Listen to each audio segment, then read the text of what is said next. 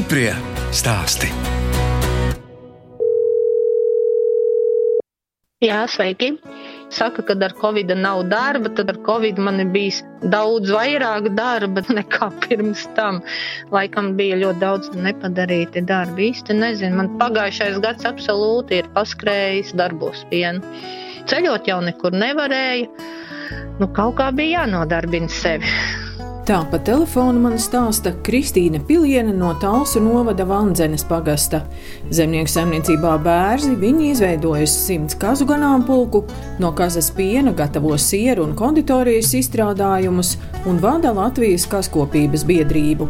Ar Kristīnu tikāmies pirms diviem gadiem. Baltās zānes kazas tad bija ārā ganībās, bet kūtī apskatījām franču izcelsmes āzīti. Pusotru gadu jauns, bet uh, viņš mums ir izcilnieks, jo mamma ir Latvijā augus un aug, bet tētuks Francijā dzīvo.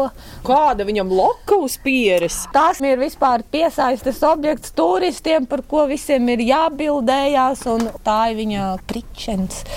Ei, manā ar bērnu karaliene, kas visus pārējos daudzā un sava veida barveda, bet nu, tā kā dienā viņa dod uz 5 litri pieniņa, jā, tad, tad, vien, jā, jau. jā, tad vienkārši tas ir tāda relikvija. Nu, te ir vecais āzītis, Nē, jā? tas Nē? ir jauns, tas ir divgadnieks, gaļinieks, saucamais, tas, ko Aha, mēs minējām. Noļukušām ausīm, jā, būru šķirna. Vecākais āzītis mums ir šeit, džali. Šeit ir mums atceļojis no Vācijas, viņam ir seši gadi. Cienījams vecums, svars viņam ir uz 90 kg. Nu, šitam gan ir pamatīgi tie radziņi, vai ne? Bet ar tādu interesantu izliekti. Salīdzinot ar piena kazām, tad būru šķirnīte ir tāda miermīlīgāka. Re, kur ir ar ragiem, tas ir mūsu arī jaunietis pagājušo gadu dzimis. Līdzīgs tam franču azītim, vai ne? Ar tādām lokām. Jā, te ir paslēpies mūsu agresīvais mini mini-jāzītis. Jā, ja? redziet, viss aizgals, jau ir kaut kas salauzts, jau ir atkal šodien pa jaunu kaut kas remontēts. Tagad uh, atpūšās nav jā, viņš tagad kasana Viņam niez ragi, bet tā ir viņu izrādīšanās. Nu, kas ir? Nu, kad nepabužiņ tik daudz, cik grib, tad viņš piemērš uzmanību, kad ir jāatgriežas nu, pareizi, atpakaļ. Jā, jā pareizi. nu, tie dzīvnieki tā viņi no sevīm prasa. Kaziņas. Te ir mazās mini-kaziņas, jā, jā tādi brīnumi. Brū, melns ar baltu, jā, jo viņām vispār var būt, protams, ka dažādi dažādas nokrāsas. Bet tās minikoziņas jau neviens neslauc. Tās Nē, ir rekus laucēji divi ir klāt, mazi bērniņi. Šitā ir mamma. Šitā ir mamma. À, un nu, jā, tie bērni būs tūlīt lielākie jā. nekā, nekā jā, jā, jā. Mm. Visi tikko pēduši brokastis, visi tagad guļ. Stīringas kaza neplēs manas pēdējās drēbes. Jābūt šīm divām strīpām, baltām pār seju ar baltiem zābaciņiem. Astes galā arī ir jābūt baltam un ar austiņām iekšā balta. Mums, es saku, nav vairs tiršķina, bet tas gēns. Bet tā ir kaziņa? Tā ir kaziņa un tas bet ir viņa bārdiņa. Jā, kazām arī ir bārda, ne nu, tikai jāžiem. Kristīna Piliena Vanzenē izveidojusi degustācijas zāli, kur turistus cienā ar ilgos eksperimentos no kazas piena tapušiem produktiem, gan konditorijas izstrādājumiem, gan sieriem. Ir kupinātājs ar ķiploku, tad ir svaigais ar dilītēm, un baltais ir ar olīvēm. Tradicionāli ir klasiskais kūpinātājs, tad ir ar, tāds ar mozzarella garšvielu maisījums, kurā ir kaltēta tomāta, paprika, pētercīļa un selerija. Nu, un tajās burciņās ir kazas biespiens, savelts bumbiņās un ar bazilika pesto mērcīti. Pēdējā laikā mēģina eksperimentēt ne tik daudz ar sieriem, kā ar konditoriju veidojot kādus jaunus produktus, saimniekojot bioloģiski vai vismaz cenšoties ar dabīgām izēvielām. Protams, ka visam jābūt tikko ceptam un svaigam, un realizācijas termiņi ir ļoti īsi vienmēr šādiem produktiem. Tā bija ārkārtīgi liela problēma, ja tu aizgāji pie pārtiks tehnologa un teici, es gribu kaut ko gatavot no kazas piena produktiem. Nē, nē, nē mēs neko no tā nezinām, un tad vēl sākas, nu, bet viņam tā piegarš, un kā tad tajā konditorijā to tagad varētu noņemt nost. Mācījos gadu gatavot Francijā ļoti izplatītu kazas sieru. Tas ir svaigais krems siers, kas ļoti daudz tiek izmantots arī konditorijā. Kremsieris īsti man nesanāca.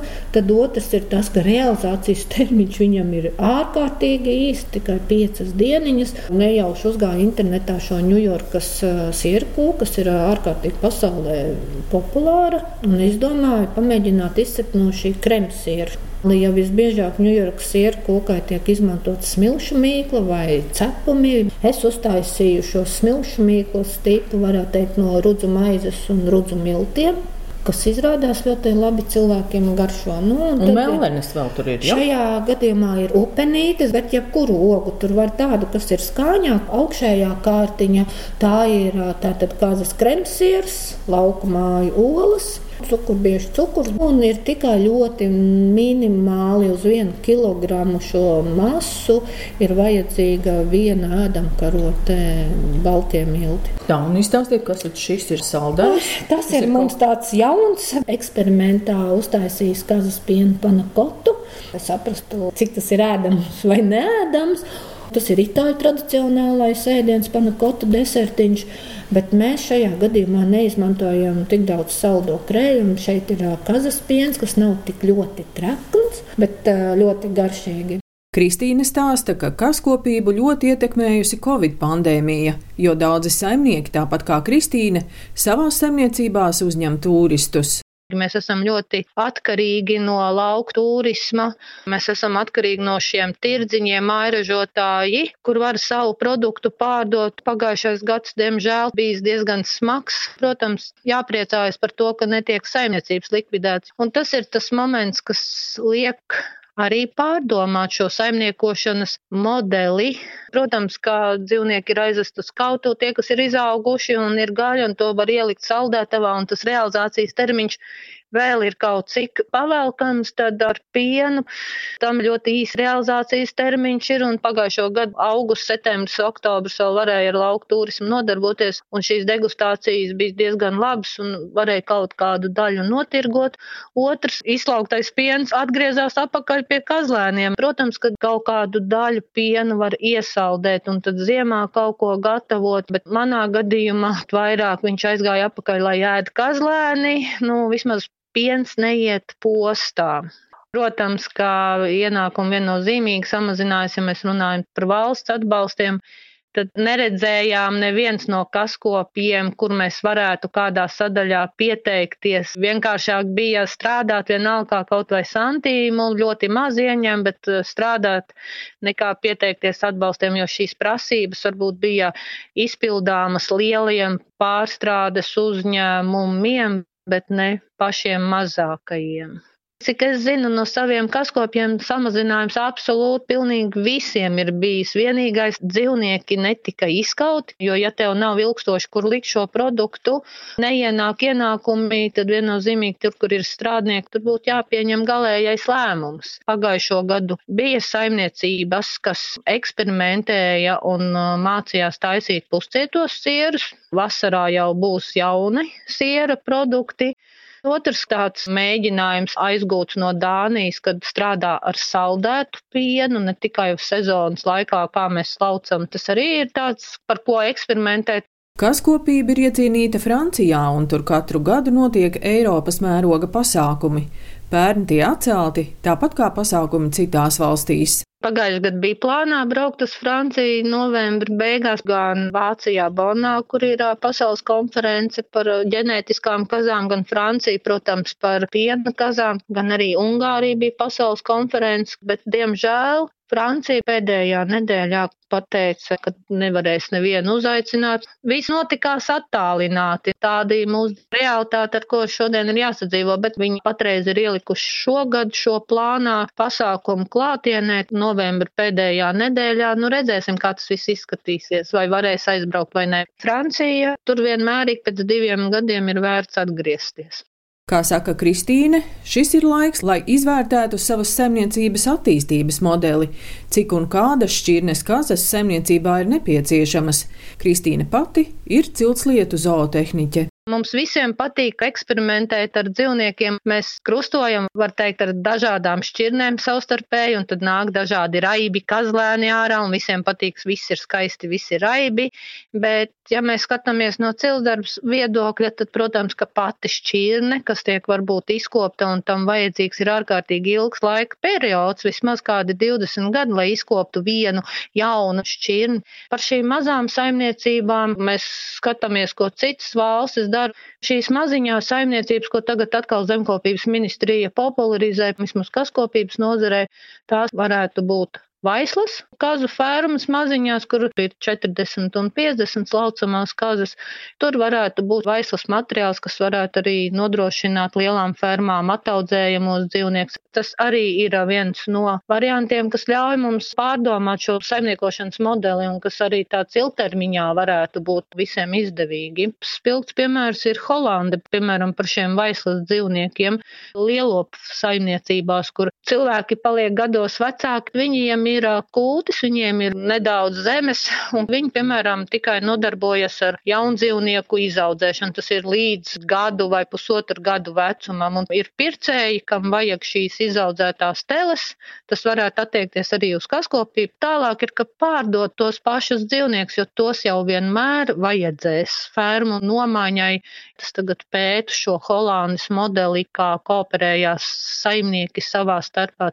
Šeit vairāk ir doma par šo kooperēšanos. Covid ļoti liek cilvēkiem domāt par kooperāciju savstarpējo. Pēc šī cilts darba un par šo ražošanu, nu vienīgi tas, kas mums ir pagājušo gadu nopietni aizsācies, mēs atjaunojam mūsu nacionālo bagātību Latvijas vietējo veco kazu, Izskatās, ka šie retie eksemplāri vairs ir tikai palikuši tajās saimniecībās, kas nav iesaistījušies cilts darbā. Mums ir ļoti maz, mums tikai kādi 30 dzīvnieki ir novērtēti ar augstāko vērtējumu šajā šķirnē, bet mums, lai šķirni atjaunot, vajag vismaz 500 šos dzīvniekus. Tā kā tāds nākotnes izaicinājums ir par šo pašu nacionālo kazu, ko mēs meklēsim noteikti joprojām. Un tagad ir viss attapušies, ka tik un tā tas gēnu fonds katrai valstī ir viss dārgākais, kas var būt.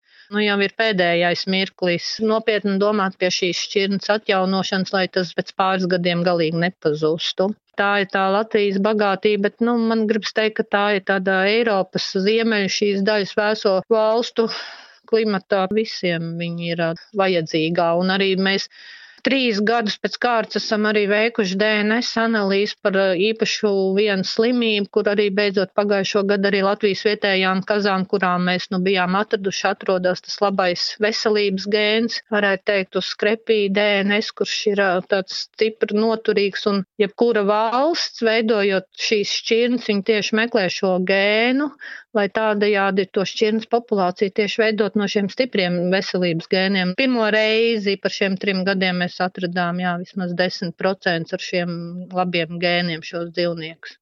Pirms trīs gadiem Kristīna Piliena stāstīja, ka viņas sapnis ir kaut ko uzgleznot ar akvareļu krāsām. Izrādās, tam laika joprojām nepietiek. Kristīne ir nopirkusi angoras kazas un tagad pēta vilnas izmantošanas iespējas. Tagad aizraušanās hobija līmenī ir izzināt angoras kazu vilnu, kā no vilnas pārtop dzīja un viss pārējais. Tas tāds interesants, aizraujošs pasākums. Viņa ir mīkstāka, smalkāka, nekā aitiņai. Tikai pagājušo gadu pirmo reizi divi cirpumi ir bijuši. Mums ir trīs kaziņas un divi āži. Un pagājušajā gadā piedzima četri bērniņi. Kopējais skaits ir deviņas tīršķirnes angoras kazas. Divas reizes mēs cirpām šos cilniekus, un tad vidēji no āžiem vilna gada no diviem cirpumiem bija apmēram 8 kg no viena āza mēs ieguvām, un no kaziņām ir kaut kādi 5-6 kg. Patreizējais process ir tas, ka visa tā vilna, cik nu ir nocirpām, mēs izmazgājām mājās, nu dotā brīdī ir jāmeklē, kur varētu vismaz jēldzījā šo vilnu pārstrādāt. Būtu jāmeklē arī, kur dzīju savērp, jo adītājas kas jau mums netrūks Latvijā. Zvana ik pa laiciņām kāds un meklē, bet līdz dzīvai mēs neesam tikuši, jo kaut kādu apjomu vajag.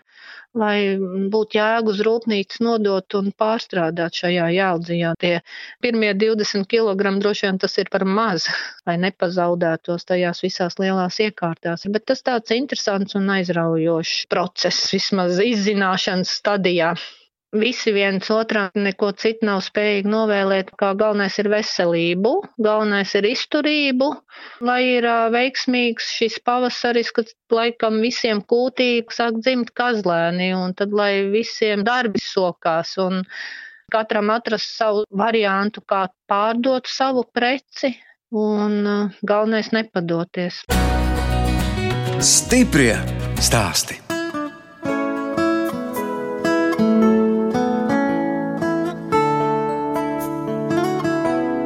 Jūs klausāties redzējuma stipri stāstī. Redzējuma turpinājumā sazināsimies ar Kristīnu Lāci, pie kuras tērvetes novada tērvetes pagastā, ciemojos pirms septiņiem gadiem. Jā, lūdzu, kā tevi sauc? Lāce Lauma. Cik tev gadi? Septiņu gadu laikā ir mainījies, var teikt, ka ļoti daudz. Septiņu gadu garumā ir gājis visādi, nu runājot arī pa biznesiem un pa darbiem ir uz augšu un uz leju, bet šogad jau svinēsim piecu gadu kāzu jubileju. Un meitiņa ir jau četri gadi, kā Maza mazītiņa bija tad, viņa man uh, gulēja autobeņķītī uz galda, jo es strādāju pēc tam ratiņos, var teikt, virtuvē ir uzaugusi. Tad sprīdīšu kafejnīcā un tad pavasaru arī pizzērijā. Visa dzīve viņai virtuvē gandrīz paiet. Pirms septiņiem gadiem Kristīna vēl bija Liniņa un Gundara Lāča draudzene. Tērvetē Kristīna kļuva par mājražotāju. Esmu pašnodarbināts mājražotājs, drīkstu cept savus kūkus un braukt uz tirgu, tirgot nedrīkstu gan nodot otrai personai, tirgošanā savas lietas un veikalos nedrīkstu dot. Tāpēc arī uz tirdziņiem braucam un tirgoju un pa draugam izcepu kādus pīrāgus un kādas kūkas. Nu, tāpēc arī ir tāda zelta lieta kā smilcerkšķis un smilcerkšķu sula. Internetā atradām smilcerkšķu kūciņu. Recepti. Šodien tā ir izcepta sirds formā, bet citreiz izcepu plātiņā un sagriežu gabaliņos, bet šodien tāda sirsnīga. Uzvāram kādus smelcerkšķu ievārījumus, kur arī kūkās noder, un arī šī kūciņā ir kā smelcerkšķu ievārījums pa vidu un smelcerkšķu glazūra pa virsu. Ir. Gundar, kas ir visgaršīgākais, ko Kristīna saka? Es teiktu, ka viss ir garšīgs. Tās kūkas, kuras skaties, kā citiem aiziet, jau pašam netiek. Tās ir garšīgākās laikā.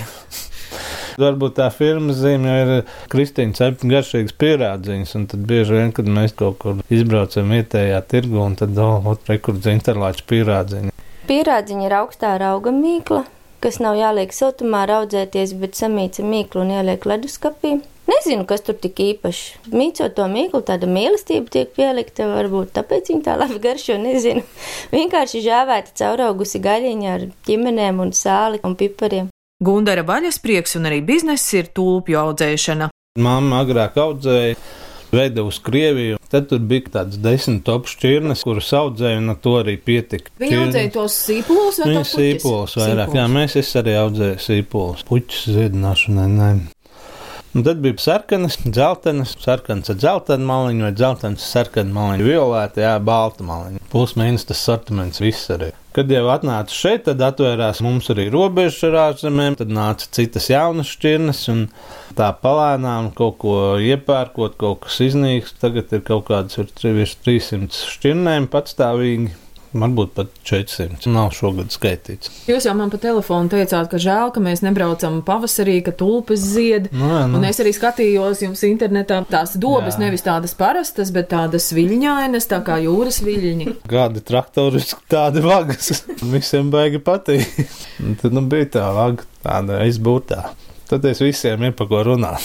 Man ir smuki puķis, es tādu vagās, un ir tā šķirnes, tā kā vairāk kā kolekcija lauks, ja, ja brauc pavasarī skatīties. Viss visādas, arī mazas, arī lielas, arī bārkstainas, un arī zaļas, un pildītas, un papagaļi. Ļoti daudz šķirnes. Tas nav viegls darbs jārok nost, jātīra, jāšķiro, pēc tam viss tā tirgošanās, pēc tam visu jāstāda, daudz darba. Bet tajā pavasarī, kad zied, ja tev ir brīvs laiks aiziet, roda gandarījumu, roda sev spēku, kas tev iedvesmo un kaut kā visu vasaru arī tev pietiek tas spēks pavasarī. Tiek rīkot tulpu svētku tērpē pie mums, tad arī mēs te taisām tirdziņu, mums ir brīvdabas teātris, mums ir uh, tautiskie danči, un arī zupu ēdam. Gundars un Kristīne aktīvi iesaistās arī dažādos pagastu un novada pasākumos. Pavasarī piedalījāmies pasākumā, kurā bija jācep mums 1500 pankūkas. Un cik ilgi cepāt, interesanti. Iepirkām panes, pieaicināja mammu palīgā, un ar četrām panām 15 stundas neizslēdzot plītis. Ui! Bet tas atkal ir forši. Nu, tas man Tas kādam pasākumam? Tas bija ne, lielo ģimeņu diena Rīgas zooloģiskajā dārzā notikās. Bija siltas pankūkas jāpadod Rīgas zooloģiskajā dārzā. Tā kā pagastā mēs esam šad un tad noderīgi. Tā tikai piedāvā, tā mēs tikai jāsakām, un pēc tam domājam. Eva, ko mēs pateicām, un kā mēs tagad to izdarīsim. Laika nav, bet pagasts mums nav liels, un vienam otram jau ir jāatbalsta. Jā, un ja pagasts kaut ko lūdz, tad mēs arī vienmēr piekrītam. Kristīne un Gundars Lāči septiņu gadu laikā mainījuši gan dzīves, gan darba vietu. Kādu laiku bija arī sprīdīšu kafejnīcas saimnieki. Pamēģinājām, bet es tomēr sapratu, ka tā kafejnīcas darīšana, kā es saku, karbonādes cept, es tomēr negribu vairāk, jo to es varu vairāk vai mazāk esmu visu mūžu darījusi virtuvē strādājis. Pirmo ziemu mēs gribējām būt entuziasti un strādāt visu ziemu, lai gan mums iepriekšējā īpašniece gan teica, ka viņa to ir pārbaudījusi un izgājusi tam cauri 12 gadu garumā, kad tie cilvēki nenāk tajā ziemā, jo tā ir tāda vietiņa, kur ir jānobrauc pa nelielu kalniņu lejā. Cilvēki baidās jau vasarā ļoti daudz, baidās nobraukt pa to mazo kalniņu. Un ziemā vispār tad liekas, ka tur nevar nobraukt, bet var. Banketiņi, jā, kāds varbūt bija, bet uh, sanāca uh, tā, ka darbinieki ir. Kafejnīca strādā, bet tie cilvēki nav. Nu, kūks es arī nespēju piecept tik daudz, lai es varētu samaksāt tiem strādniekiem. Otro ziemu man tā liekas, ka mēs jau sākām domāt par pārdošanu. Biju priekšniece, un laikam priekšnieces nevaru tā īpaši būt. Tāpēc uh, mēs ar Gundaru divu tā strādājam, un mēs labi sastrādājamies. Un, un tā kafejnīca nu, bija tāds pārbaudījums. Es sapratu tomēr, ka nē, un kad man ar citiem ir jākaro, es nemāku. Es esmu mežāzis, un tad laikam ir tā, tad, kad es to gribu, tad tam tā arī jābūt. Un ja nav tā, kā es gribu, tad man tas atkal nav paprātam. Kāpēc cīnīties un mocīties? Labāk es daru tagad sirds darbu. Es visiem vienmēr saku, vajag darīt tas, kas patīk. Ja tas tā ir iespējams, apvienot hobiju ar darbu, ar peļņu, tas ir vienkārši ideāli. Un tagad to es daru, un ir forši. Tagad abi strādā savā pirms gada izveidotajā uzņēmumā, pizzērijā un konditorijā. Atvērām Kristīnas pizzeriju Beķerēju tervetē, kur es varu realizēt savas kūkas, savas našķus. Tas mums ir ģimenes uzņēmums. Strādājam tikai divi tā ar vīru. Vīrs cep pizzas, es cepu kūkas un maizes un bulkas un visas saldās lietiņas, kas ir pieejamas. Darbinieki mums patreiz nav, tāpēc mums ir divas dienas ciet, pirmdiena un otrdiena, lai varam atpūsties. Nu, tā mēs te dzīvojam. Smilcēkšķu kūka ir palikusi vēl joprojām, jo tā šķiet, ka nekad nemainīsies. Cilvēki ir iecienījuši to kūciņu, kaut ko jaunu uzstājas un pastos cilvēkiem patīk, nepatīk. Tāpat tās mājās cep arī kūkas uz pasūtījumiem. Un ir tā, ka man pajautā, tu to taisi vai cepi. Es saku, tā kā neesmu vēl savā mūžā to darījusi, bet, nu, ja ir vēlēšanās, varu mēģināt. Mūsdienās ļoti daudz bērni īpaši, kas ir glutēna nepanesība un laktozes nepanesība, tad ir jāizdomā vienmēr kaut kas jauns. Tas nav mans tāds ikdienas lauciņš, bet, nu, nākās arī tādas kūkas uztaisīt. Mācos, jā. Picas daži nedažādas. Prieks ir, ka cilvēki ir iecienījuši, jo mīklu paši gatavojam mērce ir pašu vārīte. 11 picas ir, jā, dažādām gaumēm. Vasarā arī uz Jāņu laiku mums bija līgo pica, kur bija arī ļoti iecienīta pat līdz, līdz Ziemassvētkiem gandrīz. Tur Jāņu sieriņš bija un mājas žēvējuma desiņa, marinēti gurķīši, kas ir netradicionāli tādām parastām picām. Kā jau ir mājas žēvējumam ļoti specifiska garša, ir tā dūmu garša. Kā ģimene atpūšas, Kristīna kopā ar meitu dodas izjādēs, bet kopā ar Gundaru filmējušies topošajā filmā Janvāris. Pirms septiņiem gadiem Gundars bija aizrāvies ar tango, bet bija ar Kristīnu dejoja tautas dējas. No šiem vaļaspriekiem nācies atteikties laika trūkuma dēļ daudz kas nenotiek, un mēs varējām pievērsties savam biznesam. Jo savādāk sirds sāp, ka tu nevari aiziet vēl vienu savu sapni, sapņot, tautas dejas dejot, bet visu nevar. Kad rīts sākās piecos no rīta, jo viss ir jāsacap svaigs, tad, nu, vakarā ir kā ir, un ka Gundars ir arī cepis visu dienu picas, jo parasti pasākumi notiek sestdienās, un sestdienās mums ir intensīvākas darba dienas, tad nu, nevaram visus sapņus apvienot, diemžēl. Patreiz ir uz pauzi gan tango dejas, gan tulpju dārs ir uz pauzes. Ar cerību, ka kādreiz tas varētu atsākties, bet mums pietrūkst tās stundas diennaktī. Jo mums ir sava māja, viestarda kroņaucē, jāpaspēj viss ir, ir gan pizzerija, gan mājās vēl dzīvnieki ir un vistiņas, truši, ponijas, aitiņa, suņi trīs un kaķis.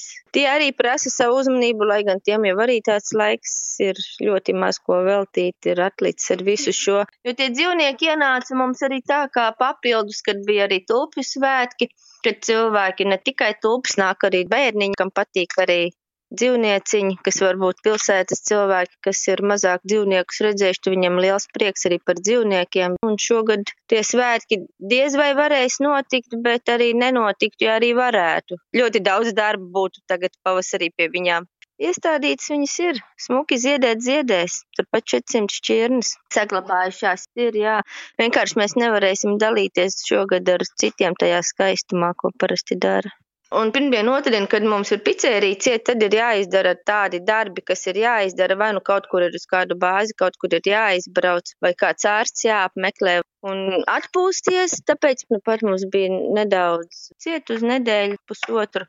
Tad tā mēģinājām atpūsties, bet laikam mēs jau vairs neprotam atpūsties tā īsti. Nezinu, tos darbus mājās, ko ķert, ko grabt, ko padarīt. Pasākumi daži nu dažādi ir bijuši. Protams, ir novada svētki, kad kliņģeri cepti, tērvets nosaukums ir cepts. Un tad ir tradicionālie Ziemassvētku tirdziņi, nu, protams, izpalika pagājušo gadu, kad mēs vēl joprojām pankūgas cepam arī Ziemassvētku tirdziņos turpat uz vietas. Smaržu radam arī tirdziņā un Igadējais pagasta pasākums mazais tērvetnieks, kur tiek apbalvoti iepriekšējā gadā dzimušie bērniņi sesto vai septīto gadu šogad jau. Es katru gadu cepu šiem mazuļiem un vecākiem kūku lielo, kā svētku kūku, kura tiek pēc apbalvošanas. Mēs ar vīru pasniedzam viņu tautas tērpos, izdalām, un tas ir tāds regulārs pasākums. Un kopš mums piedzima mūsu meitiņa, es mējos ietekmējāmies no mazā tērbatnieka, iepatikās tā tie mazuļi, kad pašiem sagribējās arī mazulīti. Kopš laumiņa ienāca mūsu dzīvē un apbalvošana notika Laumiņai bija trīs mēneši, un tā, lai Laumiņai nebūtu jāvēl kāda zīda kleita, jo mēs abi divi esam tautas tērpos, Laumai uztapa viņas pirmais tautas tērps, kurš tiek valkāts vēl līdz šodienai, tiek pagarināts un pagarināts. Vienkārši, ja citi sūkstās, ka neapskaužami, kas zaudē darbu un ir sarežģīti tagad, ka mājās ir jādzīvo bez darbiem un vīram ar sievu ir jāsadzīvo un ar bērniem, tad par laimi mums šī problēma iet garām, jo var teikt, ka kopā mēs dienu dienā esam un ir dīvaini, ja mēs neesam blakus visa ģimene, bezdarbs nav mūsu skāris, jo cilvēki par laimi ēst grib un gribēs vienmēr Tērvet arī ir vieta, kur ir turistu iecienīta, tāpēc es nevaru sūdzēties, es nesūdzos. Ja mairažotājs strādā un ražo, un tad tas ir uz pasūtījumiem, tie arī dzīvos, bet nu tādi, kas tikai pa tirgiem braukā riņķī, varbūt ir sarežģītāk, bet nu ko lai novēl, ir jāturās, jāstrādā, nevar nolaist rokas, nenolaist rokas galvenais, nekrist izmisumā, viss plūst un mainās, protams, uz labo pusi.